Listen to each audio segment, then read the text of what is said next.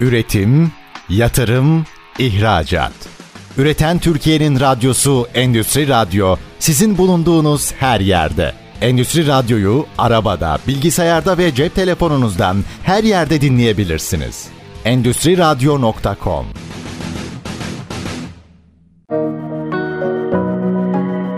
Bikem Öğünç Demir'in hazırlayıp sunduğu Robot Yatırımları programı başlıyor.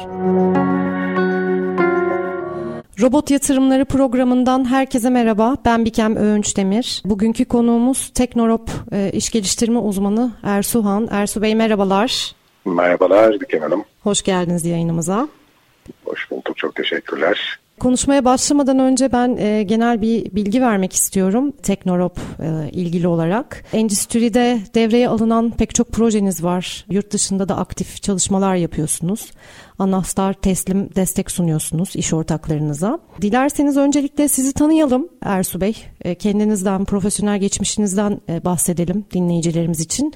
Daha sonrasında da Teknorop'la ilgili çalışmaları ile ilgili konuşuruz. Tabii ki Ersuhan ben yaklaşık 10 yıldır robot ve otomasyon teknolojileri alanında çalışıyorum. Eğitim background olarak da Marmara Üniversitesi İngilizce İşletme Bölümü mezunuyum. Sonrasında farklı endüstrilerde çeşitli tecrübeler edindikten sonra yaklaşık 10 yıl önce e, robot ve otomasyon teknolojileri alanında önce ara tedarikçi olarak sonra da e, bugün olduğum gibi mühendislik firmalarında satış profesyoneli, iş geliştirme profesyoneli olarak çalışmaya başladım. Profesyonel yaşantımın yan, yanı sıra da çeşitli, çeşitli sanat çalışmalarıyla hayatımı renklendirmeye çalışıyorum. Konumuzun ağırlığı firmam olduğu için kendimi çok kısa anlatmış olayım. Teşekkür ederiz. Teknorop'tan bahsedelim o zaman bir genel giriş olarak. Ne zaman kurulduğunu biliyoruz aslında ama hani gene de tanıtmak olsun. Kurulduğu günden bugüne kadar da hani yaptığı çalışmalarla ilgili biraz bilgi verelim. Siz anlatın bize firmanızı. Tabii ki. Şimdi ülkemizde robot ve otomasyon teknolojileri firmaları, mühendislik firmaları genelde üçlü sac ayağı mantığıyla kurulur. Ne demektir bu? Robot alanında deneyimli biri, yazılım alanında deneyimli biri, yazılım otomasyon alanında deneyimli biri ve mekanik alanında deneyimli biri birleşir, bir araya gelir ve bir firma ortaya çıkarır. Bu bizim alanda şu anda 170 firmadan bahsediyoruz. Bu 170 firmanın %90'ı içinde böyledir aslında. Firma kurucularımız Savaş Bey, Savaş Karagöz Bey, Hasan Sayın Bey e, ikisi de kendi alanlarında 2009 yılı öncesi 10 ile 20 yıl arası belli deneyimlere sahipti. Biri robot alanında uzman, biri yazılım alanında uzman. 2009 yılına geldiklerinde hayat onlara artık e, kendi teşekkürlerini, kendi firmalarını kurmaya itmişti. 2009 yılında Teknorop'u kurdular. Teknorop kuruluşundan sonra bir süre bir ara çözüm firması, bir partner firma, büyük mühendislik firmalarının partner firması olarak çalıştıktan sonra 2012 yılında gerekli sertifikasyonları da sağlayarak, gerekli deneyimleri de sağlayarak, yeni personelleri de işin içine katarak e, anahtar teslim çözüm üreten bir mühendislik firması haline döndü. 2012 yılında 2011-2012 yılında daha doğrusu Tofaş ve Renault gibi OEM Key Account müşterilerimize ilk anahtar teslim projelerimizde başlayan büyüme süreci bizi bugüne kadar taşıdı. Hatta kuruluşumuzdan bugüne geldiğimizde bizi sadece Türkiye'de değil dünyanın farklı yerlerinde de saygın bir yere getirdi bu süreç. Buyurun. Çok pardon. Anahtar teslim konusunu biraz açabilir miyiz? Yani nerede başlıyor süreç, nerede noktalanıyor? Şimdi Teknorob'un 5 artı bir uzmanlık alanı var. Nedir bu 5 artı uzmanlık alanı dediğimiz şey? Kaynak teknolojileri, hat sonu teknolojileri, e, paletleme, paketleme, sektörümüzün iyi bildiği işte shrink atma vesaire gibi çeşitlenen robotlu ya da robotsuz otomatik res uygulamaları, boya uygulamaları, hemming dozajlama uygulamaları ve özel makine çözümleri bizim 5 artı 1'i. Bu 5 artı 1'de bize müşterimiz önce e, ihtiyaçlar gelir. İhtiyaç nedir? Renault'un X parçası e, müşterimize imal edilecektir. Bu X parçası için bir gazaltı kaynak hücresi kurmamız ya da hattı kurmamız talebiyle bize gelinir. Biz önce proje başlamadan önce parçaları inceleriz, detaylandırırız. Hangi ekipmanların kullanılabileceğini, prosesin nasıl gideceğini tüm detaylarıyla bir ön projelendirme çalışması gerçekleştirir. Ön projelendirme çalışmasından sonra eğer müşterimizle, iş ortağımızla anlaşırsak buradan sonra süreç tasarım, mühendislik, imalat, önce Teknorop sahasında devreye alma sonra da nihai olarak müşterimizin sahasında devreye alma olarak ilerler. Yani biz tüm süreci kendi personelimizle, kendi öz gücümüzle yürüterek bir üretim hücresi ya da hattı kurarız. Burada hücre ya da hat denemin çok önemli bir sebebi var. Endüstrimizde yaygın durum genelde tekil hücreler kurmak yolundadır. Ee, bu da belli bir limitli bir know-how'la, limitli bir bilgi birikimiyle gerçekleşebilir. Fakat Teknorop günümüzde 30-40 robotlu üretim hattı dediğimiz, bandı dediğimiz yapıları da kurabilmektedir. Bunların en bariz örneklerinden biri 2019 yılında BMC Tura kamyonu için gerçekleştirdiğimiz kamyon kaynak hattı ve kamyon boya hattıdır. Kaynak hattında 39 robot, boya hattında da 6 robotla toplamda 45 robotluk yakın büyük bir hat kurulumu gerçekleştirmiştik orada. Teşekkürler bu bilgiler için. Peki şunu da merak ediyorum. Şimdi mesela bu projeyi 2019'da hani teslim etmişsiniz. Daha sonra da bir pandemi yaşandı. Hemen akabinde 2019'un. Bu süreçte neler yaptınız? Teknorop için pandemi süreci nasıl geçti? Şimdi pandemi süreci mühendislik sektörü için e, bir yavaşlama anlamına geldi. Ülkemizde üretim kanadı pandemide durmadı. Özellikle bizim yoğun müşterimiz olan otomotiv ve beyaz eşya ve genel endüstri alanları ciddi bir üretim artışıyla pandemiyi karşıladı. Bizim pek çok fabrikamız durmadı, üretime devam etti. Fakat mühendislik sektörü yani yeni yatırımlar sektör tarafı pandemi sürecinde bir yavaşlamayla karşılaştı maalesef. Fakat bizim orada şöyle bir şansımız vardı. Pandemiye girdiğimiz dönem yani 2020'nin Şubat-Mart evresi bizim hali hazırda tasarım aşamasında olduğumuz, kendi sahamızda ya da müşteri sahasında devreye alma çalışmalarını yürüttüğümüz pek çok proje, e, projenin olduğu bir dönemdi. O yüzden pandeminin ilk bir yıllık dönemi bizim için aslında durgun bir dönem değildi. Zaten yapılmış anlaşmalar vardı. Bu yapılmış projelerin, anlaşmaların devamı sağlandı. Sonrasında yaklaşık 8 ayla 1 yıl arası bir dönem var. O dönemi de biz ARGE çalışmalarına ayırdık. Bu ARGE çalışmalarının nüvelerini de pandeminin hemen sonrasında almaya başladık. Neler yaptık? Bizim girmek istediğimiz endüstriler vardı. Türkiye'de robotun hiç kullanılmadığı endüstrilerden bahsediyorum. Bu endüstrilerle ilgili ARGE çalışmaları gerçekleştirdik. Mevcut durumda kendi yaptığımız işleri nasıl daha iyi yapabileceğimiz konusunda belli fikirlerimiz vardı. İş yoğunluğundan dolayı bizim istediğimiz ölçüde bu alanlara mesai harcayamıyorduk. Yeterli ARGE mesaisini harcayamıyorduk. Pandeminin bu durgun geçebilecek ikinci fazını biz ARGE çalışmalarına, ön geliştirme çalışmalarına harcadık ki iyi ki de böyle yapmışız. Pandemiden sonra bu çalışmaların nüvesini de deyim yerindeyse ekmeğini de yemeye başladık. Böyle bir gerçekliğimiz oldu pandemide. Böyle bir süreç oldu yani sizin için. Peki biraz önce dediniz ya hani bu konuşurken robotun hiç kullanılmadığı endüstrilere girdik bu süreçte diye. Örnek verebilir misiniz mesela hangi alanlar? Tabii ki robotun hiç kullanılmadığı alanlardan biri palet üretim, tahta palet üretim e, alanıydı bizim için. Robotun daha az kullanıldığı alanlar vardı ya da otomasyon teknolojilerinin daha az kullanıldığı alanlar vardı. Örneğin ülkemizde Pirit içi transfer sistemleri Türk mühendislik firmaları tarafından çok yoğun yapılmazdı. Ağırlıklı bu konuda yabancı firmalar, yurt dışı firmaları çok yoğun destek, destek verirdi. Biz bu alanda da bir atılım gerçekleştirdik. Arçelik'in bir tedarikçisi olan bir Eskişehirli firmamıza bu atılımlarımızda, bu ARGE çalışmalarımızda bir inline press transfer sistemi yaptık. 4 saniye cycle time'a sahip bir sistem bu. Robot kullanılmayan tam otomatik bir sistem. Bizim tek işimiz robot değil, robot dışı sistemlere de yöneliyoruz. Üçüncü bir alanda bizim her zaman hedeflediğimiz, Türkiye'de yaygın ama bizim bu yaygınlık içinde pay almak istediğimiz paletleme paketleme hücreleriydi. Bu alanda da ön mevcut deneyimlerimizi ARGE ile geliştirdik. Harika. Ersu Bey 2000'li yıllarla birlikte aslında teknolojide ve internet teknolojilerinde çok hızlı bir ilerleme ve yaygınlaşma oldu. Robot ve otomasyondaki ilerlemeyi bu anlamda nasıl değerlendiriyorsunuz? 2000'li yılların başları benim öğrencilik dönemlerimde Türkiye'de robot ve otomasyon teknolojileri ağırlıklı otomotiv endüstrisinde vardı ve beyaz eşya OEM'lerinde vardı. Ana sanayilerinde vardı. Fakat zaman ilerledikçe tarihler 2010'ların ortasına doğru geldikçe artık bu alandaki teknoloji otomotiv yan sanayisinin tamamına e, bizim Tier 1 ve Tier 2 diye bir ayrımımız var biliyorsunuz yan sanayi gruplarında. Eskiden Tire One'lar belli oranda robot otomasyon teknolojileri kullanırken artık biz Tire 2'larda bile yaygın bu sistemlerin kullanılabilirliğinden bahsediyoruz. Örneğin eski fabrikamızın bulunduğu Çalı bölgesinde artık pek çok firma tüm işini robotik hale ya da otomatik hale getirmek için çalışmalar da bulunuyor. Süreç ilerledikçe bu çalışmalar farklı farklı endüstrilere yayılmaya başladı. Burada parantez açıp ürünlerin kendi gelişiminin nasıl olduğunu düşünmek, tartışmak lazım. Ürünlerin kendisinde yani örneğin bir robot, robotta da bu bahsettiğimiz 20 yıl içerisinde özellikle takip edilebilirlik ve sürdürülebilirlik alanında ciddi bir teknolojik gelişim gerçekleşti.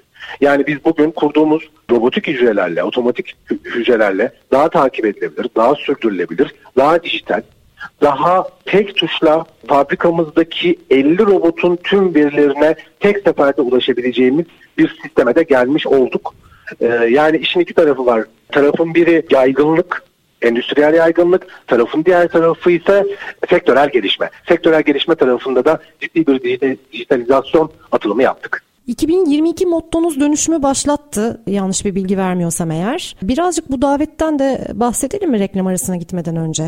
Tabii ki, tabii ki çok kısaca anlatmış olayım. Konuşmamın bir yerinde de söyledim. Türkiye'de yaklaşık şu anda 160-170 e, adet mühendislik firması, robot ve otomasyon teknolojileri alanında çalışan firma var. Bu firmalardan bir elin parmağını aşmayacak kadarı high high class, üst üst seviye.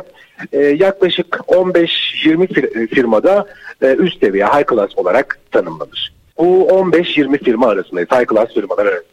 Hı hı. Bu dönemde şunu fark ettik bizim high high class'a, üst üst seviyeye ulaşabilmek gerçekliğimiz var. Know-how'umuz var, deneyimimiz var. Bunu sağlayabiliriz. Bunu sağlayabilmek için yapmamız gereken şey Türkiye ve dünyada daha rekabet edebilir bir hale gelmek. Bunun için de kendimizi geliştirmemiz, kendimizi değiştirmemiz ve dönüştürmemiz gerek. Dönüşümü başlat öncelikle teknolojinin içine yapılan bir çağrı. Fakat çağrının ikinci tarafı Bizim tek başımıza gelişmemiz, tek başına değişmemiz, büyümemiz, güçlenmemiz yetmez. Bizim Türkiye endüstrisinde partnerlerimizle, OEM'lerimiz, Tayvanlarımız, Tayvanlarımızla da geliştirmem, gelişmemiz lazım. Bu yüzden tüm iş ortaklarımıza da bir çağrı yaptık. Dedik ki biz bir dönüşüm gerçekleştireceğiz, biz daha kurumsallaşacağız, biz daha ayakları yere sağlam basan bir yapıya oturacağız, biz know-how'ı daha iyi yöneteceğiz, tüm departmanlarımızla dönüşeceğiz. Gelin sizi de dönüştürelim. Gelin sizin hatlarınızı da daha teknolojik, daha Endüstri 4.0'ı çağı yakalayacak bir hale getirelim. Burada bir de devletimizin sık sık yayınladığı COBİGEL ve benzeri destek çağrılarının gücünü de yanımıza aldık ve 2022 yılını bir dönüşüm süreci olarak başlattık. Fakat 2022 ile sınırlı kalan bir dönem değil bu şu anda 2023, 24, 25 önümüzdeki yıllara da devam eden bir süreç olarak öngörüyoruz bu dönem. Teşekkürler. Teknorop Robot ve Otomasyon Teknolojileri İş Geliştirme Uzmanı Ersuhan'la sohbetimiz devam edecek. Şimdi kısa bir reklam arasına gidiyoruz. Döndüğümüzde yeniden buradayız. Üretim, yatırım, ihracat. Üreten Türkiye'nin radyosu Endüstri Radyo sizin bulunduğunuz her yerde. Endüstri Radyo'yu arabada, bilgisayarda ve cep telefonunuzdan her yerde dinleyebilirsiniz. Endüstri Radyo.com Robot Yatırımları programının ikinci bölümüyle yeniden yayındayız. Teknorop, robot ve otomasyon teknolojileri iş geliştirme uzmanı Ersuhan konuğumuz. Ersu Bey, ilk bölümde çalışmalarınızdan bahsettik. 2022 mottonuzu konuştuk. Biraz da ikinci bölümde uygulamalarınızı açmak istiyorum. İlk bölümümüzde 5 artı 1'den bahsetmiştik. E, bunları biraz açarak ilerleyebilirsek çok sevinirim. Sizi dinliyoruz yeniden. Şimdi öncelikle her yerde yaptığım sunumlarda en son değindiğim şeyi burada başta değinmiş olayım. 5 artı 1 gündeminde. Bizim artı birimiz, özel çözümlerimiz, diğer çözümlerimiz dediğimiz kısım aslında bizim en temel alanlarımızdan biri. Teknolog sadece bir robot firması değildir. Robotik çözümler üreten bir firma değildir. Biz mühendislik firması. Bizim özel çözümlerimiz mühendislik firması özelliğimizi de daha yaygın olarak ortaya çıkarıyor. Burada geçmiş örneklere baktığımızda mesela Tofaş firması için gerçekleştirdiğimiz arka ön teker montaj hatları. Vestel için gerçekleştirdiğimiz çamaşır makinesi ayarlanabilir ayak montaj hattı. Renault firması için gerçekleştirdiğimiz fren eski kontrol hücresi gibi işler var. Burada standart bir çözümle ilerleyemiyorsunuz. ve yaptığınız her aşama kendi özel makine geliştirmenizi, kendi özel hat geliştirmenizi gerektiriyor. Bu da bizim mühendislik firması ünvanımızda oturuyor. Biz kendimizi robot otomasyon firması değil, mühendislik firması olarak tanımlıyoruz. İlk beşe geldiğimizde biz bizim number one ve number two projelerimiz. İlk projemiz robotla Afgan Büküm projesi oldu. 2009 yılında ikinci projemizde kaynak bir gazaltı kaynak hücresi oldu.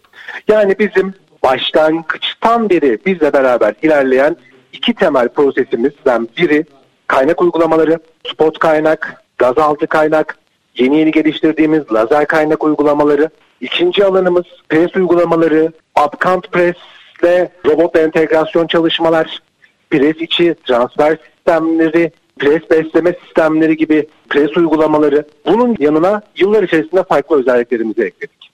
Bu özelliklerden biri hat sonu prosesleri, hat sonu çözümleri. Paketleme, paletleme, çember atma gibi 6-7 segmentten, prosesten oluşan bir çözüm grubudur hat sonu çözümleri dediğimiz. Biz pandemiden önce başladığımız bu alanı geliştirdik. Bugün daha da doygun bir hale getirdik. Sonra yıllar içerisinde neyi ekledik? Boya çözümlerini ekledik. Şu anda hala hazırda yoğunluğu Almanya'da olmak üzere kurduğumuz boya hatları var. Boya hattının kendisini kurmuyoruz. Kurulan boya hattına robot entegrasyonu gerçekleştiriyoruz. Son alan, beşinci alan ise bizim piyasamızda Hemming ve Dosing Application diye geçen Hemming iki metalin birbirine kıvrılma yoluyla montajı ve dozajlama sealing uygulamaları alanında kendimizi geliştirdik. Şunu söyleyebilirim. Özellikle sealing uygulamalarında Türkiye'nin ilk 5 firması arasına girebiliriz. Sealing uygulamaları alanında bugüne kadar OEM ve Taiwan bazlı pek çok proje gerçekleştirdik ve gerçekleştirdiğimiz projeler sonucu partnerlerimizle karşılıklı gelişerek kendimizi ilk 5'e çok rahat koyabildiğimizi söyleyebilirim. Kaç ülkede faaliyettesiniz aktif olarak? Hangi ülkeler var Ersu Bey? Teknop Bursa merkezli Bursa Kaya Organize Sanayi'de genel merkezimiz var. 2021 yılı Haziran ayı itibariyle de Romanya'da şubemiz kuruldu. Hı hı. Onun dışında diğer ülkelerde Türkiye ve Romanya üzerinden projelerimizi yürütüyoruz. Ağırlıklı hangi pazarlarda peki? En yoğun müşterilerimiz otomotiv ve beyaz eşya. Bunların ana sanayileri ve yan sanayileri.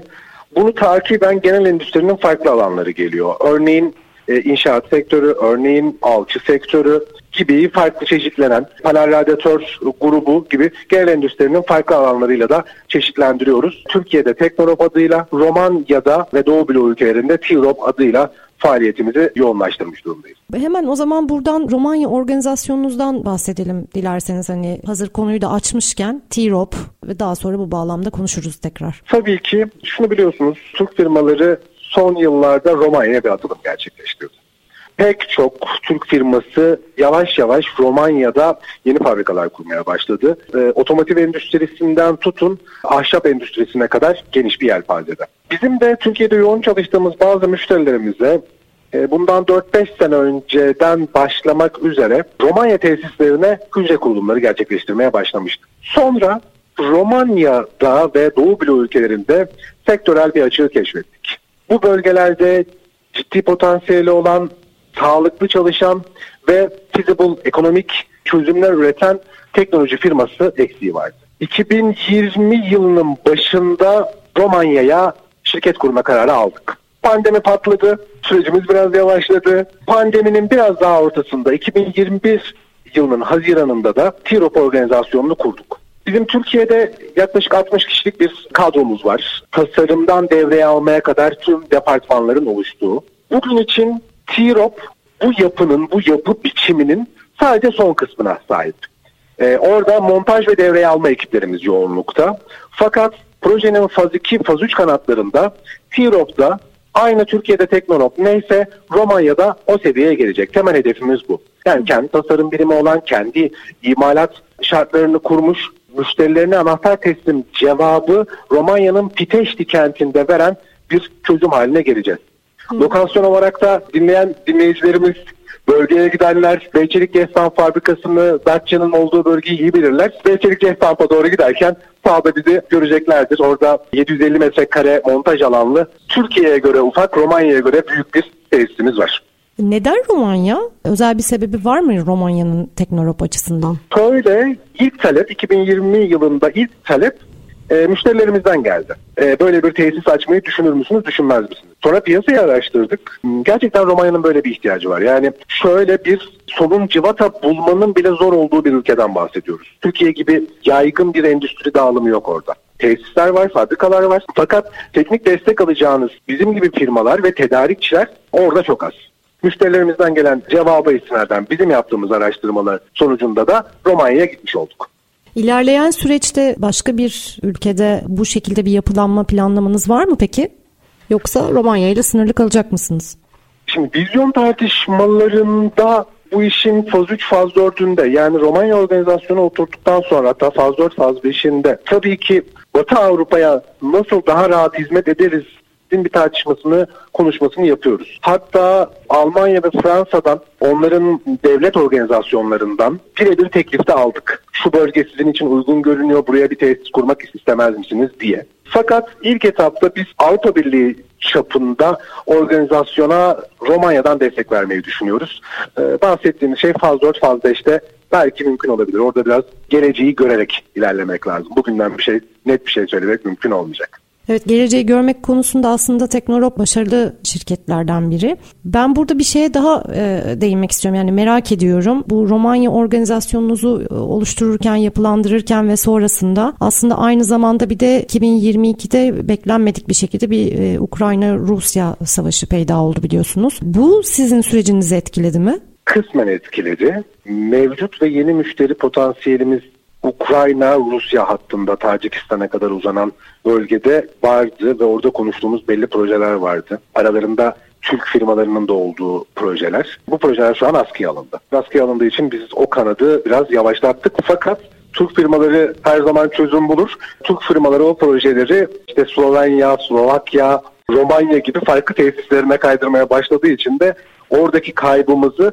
zaman içerisinde kapatmış olacağız diye düşünüyorum. Harika. Ben şimdi burada birazcık da başka bir konuya belki geçiş gibi olacak ama çözüm ortağı olduğunuz müşterilerinizin dijital dönüşümlerini hani başlatıyorsunuz, dönüşüme davet ediyorsunuz dijital dönüşüme. Bu noktada da trend konular var, başlıklar var. İşte Endüstri 4.0 gibi, yapay zeka gibi vesaire. Türkiye'de Endüstri 4.0 noktasında sizce neredeyiz? E, hakkı veriliyor mu? Ne düşünüyorsunuz bir iş geliştirme uzmanı olarak? Ya dürüst olarak şeyi söyleyeyim. Otomotiv ana sanayi ve o Tayvan seviyesindeki yan sanayi ve beyaz eşyanın da aynı grupları evet Endüstri 4.0'ın hakkını vermeye başladı. Özellikle otomotiv kanadı böyle. Fakat endüstrinin en genel kısmı e, biz artık Endüstri 5.0'ı karanlık fabrikaları vesaire tartıştığımız dönemde biraz yavaş geliyor, biraz geriden geliyor. Bu geriden gelmenin içerisinde en önemli hususlardan biri maliyet. Maliyet sebebiyle geriden geldiklerini iddia ediyorlar. Fakat bizim yaptığımız fizibilite çalışmalarına göre de e, aslında bu yatırımı yapsalar maliyetleri e, uzun erimli, daha ileri gidecek, daha olumlu bir yer gelecek. Ama Türkiye'de bu vizyon sektör geneline gerçekten tam oturmadı. Bunu çok iyi yapan firmalar var. Örneğin işte müşterimiz olan Türk Traktör firması artık ıı, ön kabul süreçlerinde bile Endüstri 4.0'ı çok verimli kullanmaya başladı. Hatta beraber belli çalışmalarımız oldu. Ya da yine müşterilerimiz olan Renault, Beçelik Gestamp, Tofaş gibi farklı firmalar bu anlamda çok önde fakat endüstrimizin genelinde ciddi bir eksiklik var. Zaten saydığınız firmaların büyük bir kısmı da otomotiv sanayi. E, oradan da anlıyoruz aslında otomotivin Endüstri 4.0'da daha ileri bir noktada olduğunu. Peki burada birazcık o zaman hani bu çağrıyı sürdürmek adına da belki ilgili olabilir.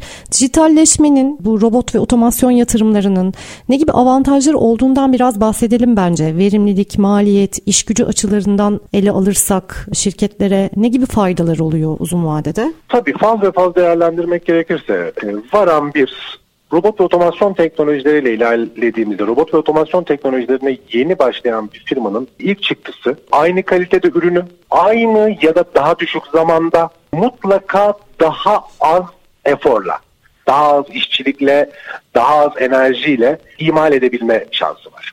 Biz şunu söylüyoruz, 8 ile 16 ay arasında kurulan bir robot hücresi kendini kompanse eder. Eğer doğru planlandıysa. Bu şu demektir 16 aydan sonra bu hat yaptığınız yatırımın dışında yeni karlılığını üretmeye başlar. Burada atlanmaması gereken unsurlardan biri tekrarlanabilir, sağlıklı, doğru ürün üretmek. Operatör bazlı ürettiğimiz her üründe tekrarlanabilirlik ciddi bir sorundur. Teknoloji bazlı robot otomasyon teknolojileriyle ürettiğimiz bir üründe ciddi oranda bir tekrarlanabilirlik sağlarsınız. Tekrarlanabilirlik ne sağlar? Bugün söz gelimi Rusya'ya domates ihraç ederken bile bir standart istiyorlar sizden. Üretimde bu standart daha da yüksek. Biz belli bir standart üretim sağlayabilirsek dünyanın her yerine daha yüklü, daha fazla e, ürün satabilme şansımız var. Aslında pazarımızı büyütebilme şansımız hı hı. var. Yani dijitalleşmenin yerlerinden biri. Hı hı. E, Ersu Bey burada bölüyorum ama kısa bir araya gitmem gerekiyor. Hemen bir hatırlatma da yapalım. Ersu Han'la konuşuyoruz Teknorop e, iş geliştirme uzmanı. Ara verdikten sonra reklam arasından sonra konuşmamıza devam ederiz. Avantajlarını konuşuyorduk dijitalleşmenin. Kaldığımız yerden devam ederiz. Teşekkürler açıklamalarınız için şimdiden. Üretim, yatırım, ihracat. Üreten Türkiye'nin radyosu Endüstri Radyo sizin bulunduğunuz her yerde. Endüstri Radyo'yu arabada, bilgisayarda ve cep telefonunuzdan her yerde dinleyebilirsiniz. Endüstri Radyo.com Robot Yatırımları Programı 3. bölümüyle devam ediyor. Ee, konuğumuz Teknorop İş Geliştirme Uzmanı Ersu Bey. Çok güzel konuştuk aslında. Ee, hem Teknorop'u anlattık hem dijitalleşmeden, e, Endüstri 4.0'dan konuştuk. Romanya yatırımınızdan bahsettik, organizasyonunuzdan. Bu süreçte de aslında dijitalleşmenin avantajlarında kalmıştık. Ee, buyurun siz devam edin dilerseniz. Ee, sonra da diğer konularımıza döneriz. E, aslında çoğunu toplamıştım. Çok özetle en son işte tekrarlanabilir ürün, tekrarlanabilir kaliteli ürün e, gündeminden bahsediyordum. Sonrasında ne sağlar? Sonrasında siz operatör bazı üretimi azalttıkça üretim adetleriniz de aslında üretim bandınız, üretim range'iniz de belli doygunlukta ilerler. Örneğin bugün meseleyi şu sebeple söylüyorum. Örneğin bugün Manisa Balıkesir gibi tarım toplumuna yakın bölgelerdeki tesislerin çoğu, fabrikaların çoğu belli dönemlerde operatör kaybı yaşarlar. Hasata gider, ona gider, buna gider, işçileri biz kaybederiz. Ama teknolojik bir hat burada kurulmuş olsa biz işçi bazlı çalışmayı daha aza indirgediğimiz için bu tür hasat dönemlerinde vesaire operatör kaybı gibi problemlerden de daha az etkileniyor olabiliriz. Zaten bu yüzden bu bölgelerde de e, şu sıralarda yatırımlar artmaya başladı. Yani hem Balıkesir hem Manisa benim çok yoğun ziyaret ettiğim bölgelerdir iş sebebiyle.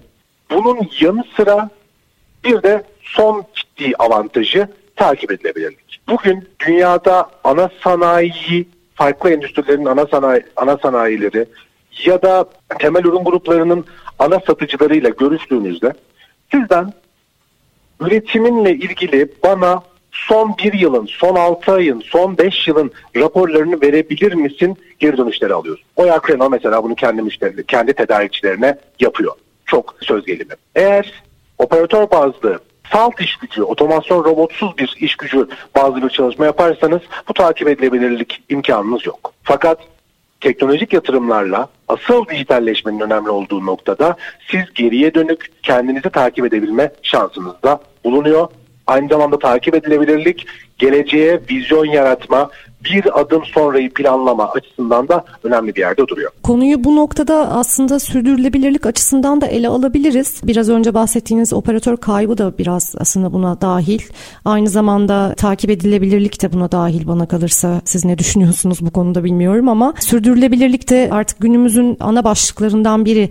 Gerek sürdürülebilir başarı yani şirketlerin ayakta kalabilmeleri, hayatlarına devam edebilmeleri, gerekse işin yani üretimin, işin sürdürülebilirliği sürdürülebilirliği adına. Bu noktada da ele alabiliriz aslında. Siz neler söylemek istersiniz? Yani bugün endüstrinin önemli meselelerinden biri sadece Türkiye'de değil dünyada da e, aslında sürdürülebilir başarı. Bu konuda haklısın. Amerika ortalamasında bir şirketin ortalama yaşamının 10 yıl, Türkiye ortalamasında da 15 yıl olduğu söyleniyor. Biz aslında tam limitteyiz. 15 yılı aşan firmaların önemli bir kısmının 50 yıla yaşam ömrünü uzattığı, bir kısmının da 15-20 yılda tökezlediğini görüyoruz. Dünyada şunu biliyorsunuz 100 e, yılın üzerinde ömür sağlayabilmiş e, çok az sayıda firma var. Bu firmalar bunu nasıl yap- yapabiliyor? Bu firmalar hem insan kaynakları yönetiminde hem üretim kaynakları yönetiminde ciddi bir sürdürülebilirlik başarısı sağlıyorlar. İç yapılarında da bir sürdürülebilirlik sağlıyorlar. Aynı zamanda sürdürülebilir bir yapı kurmanın şöyle bir önemi de oluyor. Siz tekrarlayan sürdürülebilir bir yapı kurduğunuzda 5 yıl sonranızı 10 yıl sonranızı daha iyi projekte edebiliyorsunuz. Daha iyi vizyon planı oluşturabiliyorsunuz. Aynı zamanda böyle bir yapı kurduğunuzda bir avantajı da sizin müşteriniz olacak firmalar, sizin müşteriniz olacak devletler, e, her zaman salt firmalar değil malum müşterilerimiz, daha ayakları yere sağlam basan ve onları yarı yolda bırakmayacak bir tedarikçi olarak kodladıkları için sizinle olan ilişkilerini arttırıyorlar, sizinle olan ilişki kapasitesini arttırıyorlar.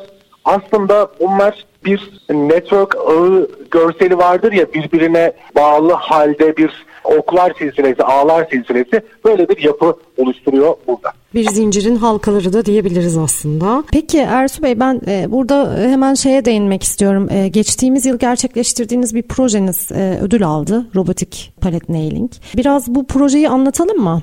Tabii ki tabii ki. Öncelikle ben burada proje partnerimiz ve müşterimiz Mebesa firmasına çok teşekkür ederim. Bursalı bir ahşap işleme ve palet, ahşap palet üretim firmasıdır kendileri. Şeyden bahsetmişim biz pandemi sürecinin bir kısmında ARGE çalışmalarıyla çok yoğun zaman harcadık diye. Ve özellikle robotun girmediği endüstrilerde ne yapabiliriz diye zaman harcadık diye bunun bundan bahsetmiştim. Ahşap palet çakma alanı Türkiye'de robot kullanımının, otomasyon kullanımının çok limitli olduğu bir alan. Türkiye'de daha önce robotlu palet çakma hücresini yapan yabancı mühendislik firmaları var. Ama Türkiye'de ilk defa bir Türk mühendislik firması tarafından robotlu palet çakma hücresi bizim tarafımızdan gerçekleştirildi. Vizyoner müşterimiz Mebesa'nın da katkılarıyla. Burada 5 farklı palet tipi ayarlanabilir bir fikstür yapısıyla, ayarlanabilir bir hücre yapısıyla operatörün sadece tahta parçalarını fikstüre hatta dizmesi görevine sahip olduğu bir şekilde %95 oranında robot tarafından robotlu palet üretimi yapılacak şekilde gerçekleştirildi. Yani süreç şöyle ilerliyor. Operatör fikstüre masaya tahta parçalarını hangi palet boyutu üretilecekse, hangi palet tipi üretilecekse ona uygun şekilde yerleştiriyor hat çalışmaya başlıyor. Oradan sonra paletin hat dışına, üretilen paletin hat dışına çıkarılması da dahil olmak üzere tüm süreci, kontrolleri, çivi çakmalarını vesaireyi tüm süreci biz robotla yürütüyoruz. Minimum 48 saniye, maksimum 62 saniyelik üretim zamanlarıyla ilerledik. Burada çakılacak çivi çivi adeti, paletin büyüklüğü vesaire e, bunlar etki edebiliyor. Şu detay çok önemli. Biz burada farklı palet tiplerini hücrenin içerisine entegre edebilir haldeyiz. Bu proje sayesinde ikinci bir durum gerçekleştirdik. Bu ürünü şu anda standart ürün haline getirdik. Hem Türkiye'den hem dünyanın farklı yerlerinden bu standart ürünümüzle ilgili e, talepler almaya başladık yakın zamanda. Projelendirme ve bunu sonuçlandırma ne kadar bir zaman aldı Ersu Bey? Argesi, işte projelendirmesi ve tamamlanması derken? Şeyi saymıyorum. Pandemi öncesi, pandemi sürecinde yaptığımız çalışmaları saymazsak bir yıla yakın bir zaman geçirdik. Ne kadar pardon? Bir yıl bir tüm yıl. projenin tüm projenin oturması. Çünkü bu bir ARGE çalışmasıydı. Tekrar tekrar işi kurduk. Tekrar revizyonlar oldu vesaire. ARGE çalışması olduğu için bir yıl oldu. Ama şu anda o bir yıl şöyle bir çıktı verdi. Şu anda tedarik edeceğimiz malzemelerin geliş sürelerine bağlı olarak 12 ile 20 hafta arası sıfırdan böyle bir hücreyi kurabiliyoruz. Yani bir yıllık bir çalışma bize gelecek projelerde bir süre kısaltma e, olarak da geri döndü. Teşekkürler detaylar için. Şimdi ben e, biraz da bu noktada e, başka bir şeye değineceğim. Hani bu geleceği görmek, e, öngörmek vesaire anlamında. Biliyorsunuz Şubat ayı kötü başladı ülkemiz için. 6 Şubat'ta hepimiz bir şokla uyandık. 10 ilimize etkileyen çok büyük iki deprem yaşadık. Bu aslında endüstriyi de çok yakından etkiledi. Yeni planlamalar gelişti. İlla ki 2023 hedeflerinde değişiklikler yapılması gerekecek büyük ihtimalle. Öncelikle bunu sormak istiyorum. Şirket olarak plan planlamalarınız neler bu süreçte? Gerek Türkiye endüstrisi adına gerek kendi şirketiniz adına. Şimdi öncelikle kendi adımıza biz kendi bina yapılarımızı tekrar bir kontrol ediyoruz zaten. Bu çok önemli bir sorundu. Çok üzücü bir olay yaşadık. Şu anda Antep bölgesinde ve Kahramanmaraş bölgesinde müşteri ve müşteri adaylarımızla da görüştüğümüzde artık ticari görüşmeleri bıraktık orada. Tamamen insani görüşmeler yapıyoruz. Yanlış anlaşılma olmasın hı hı. görüştüğümüzde derken meselenin vehametini çok daha iyi anlayabiliyoruz Yani halkımıza, milletimize geçmiş olsun o anlamda. Kendimiz için, kendi yapılarımız için bir sağlıklı doğru yapılarda mıyız? Ofis yerleşimlerimiz nasıl? Bunları tekrar bir gözden geçiriyoruz. Allah muhafaza böyle bir şey muhtemel İstanbul depreminde e, bizi en az, bizi ve iş arkadaşlarımızı en az hasarla etkilesin diye bir ön çalışmamız var. İşin endüstri kısmına geldiğimizde biz inşaat endüstrisiyle son birkaç yıldır belli işler yapıyoruz. Ama tabii ki direkt inşaatın kendisi değil. İşte cam endüstrisi, alçı endüstrisi gibi endüstrilerde iş yapıyoruz. Fayda sağlama işleri yapıyoruz. Bu alandaki firmalarla görüştüğümüzde de hem yerli firmalar hem yabancı firmalar ki Türkiye'de yabancı firmaların daha büyük payı var. İnşaat malzemeleri üretimi anlamında. Kendilerine ciddi bir yatırım yaptıklarını ve onların da robot otomasyon teknolojilerinden pay alarak daha sağlıklı ürünler geliştirmeye çalıştıklarını görüyoruz. Biz de burada belli partnerlikler kuracağız gibi gözüküyor. Bunun görüşmeleri, konuşmaları yapılıyor. İşin bir de robot teknolojilerini ilgilendiren ama bizim uzmanlık alanımızda olmayan robotla eklemeli bina üretimi gibi metotlar var. Bu metotlarda da bir fizibilite çalışması geçmiş yıllarda biz yapmıştık. Bizim birebir alanımıza giremiyordu fakat bu alanda da Türkiye'de bir gelişme olacağını öngörüyoruz. Gönül ki biz bu konuda el atıyoruz diyebilelim ama maalesef bizim gerçekliğimiz şu anda bu kısımda tutmuyor. Bu robotla bina üretimlerinden ufak tip bina üretimlerinden bahsediyorum. İlla ki sağda solda karşılaşmışsınızdır. Ama bu alanda da endüstrinin genelinde bir gelişme olacağını görüyoruz. Bu konuda çalışmalar yapan arkadaşlarla da ara ara haberleşiyoruz. Fayda sağlama yolunda yarı dışında gibiyiz konunun. Çünkü bizim asıl işimiz inşaat malzemeleri üreten firmalara destek olabilmek sınırında kalıyor maalesef. Son olarak şunu da belirteyim. Firma kültürü olarak biraz Anadolu gelenekçiliğine de bağlı olarak sağlanan faydaları, yararları anlatma eğiliminde olmadık bu depremden sonra. Ama her yerde şu çağrıyı yaptık. Herkes elinden geldiğince hatta elinden geldiğinden fazla bölgeye ve tüm ülkeye deprem konusunda destek olmalı çağrısını da sürekli gerçekleştirdik ve bunu da söylemeye devam edeceğiz. Çok doğru bir noktaya değindiniz. Bir de şöyle bir gerçek var ki ne zaman böyle bir felaket başımıza gelse bunun öncesini sonrasını yapılması gerekenleri faydaları konuşuyoruz maalesef. Dileriz bundan sonra böyle bir şey yaşandığında çok daha az bir hasarla atlatabilelim herkes adına. Son olarak ben robot ve otomasyon sektörünü hani biraz önce dediniz ya bu sürdürülebilirlikten konuşuyorduk. Firmaların 5 yıl 10 yıl sonra kendilerini nerede gördüklerinden bahsettik. Siz sektörü 5 yıl sonra 10 yıl sonra nerede görüyorsunuz? Sektör paydaşları doğru adımlar atarsa benim o konuşmamda bahsettiğim 15-20 firmanın o hani 5 artı 15-20 firmanın 5'inin daha da büyüyeceği, daha da gelişeceği ve uluslararası alanda başarılar kazanmaya başlayacağını öngörebiliriz. Bu olmazsa zaten sektörel, sektörel olarak küçüleceğiz. Yani bugün e, önümüzde şöyle bir tablo var. Ya dünyaya açılarak büyüyeceğiz ya Türkiye'de kalarak küçüleceğiz. Hı hı. Rakip demeyeyim biz sektörde birbirimizi çok rakip olarak görmüyoruz. İş ortağı, dayanışan kardeşler, arkadaşlar olarak görüyoruz.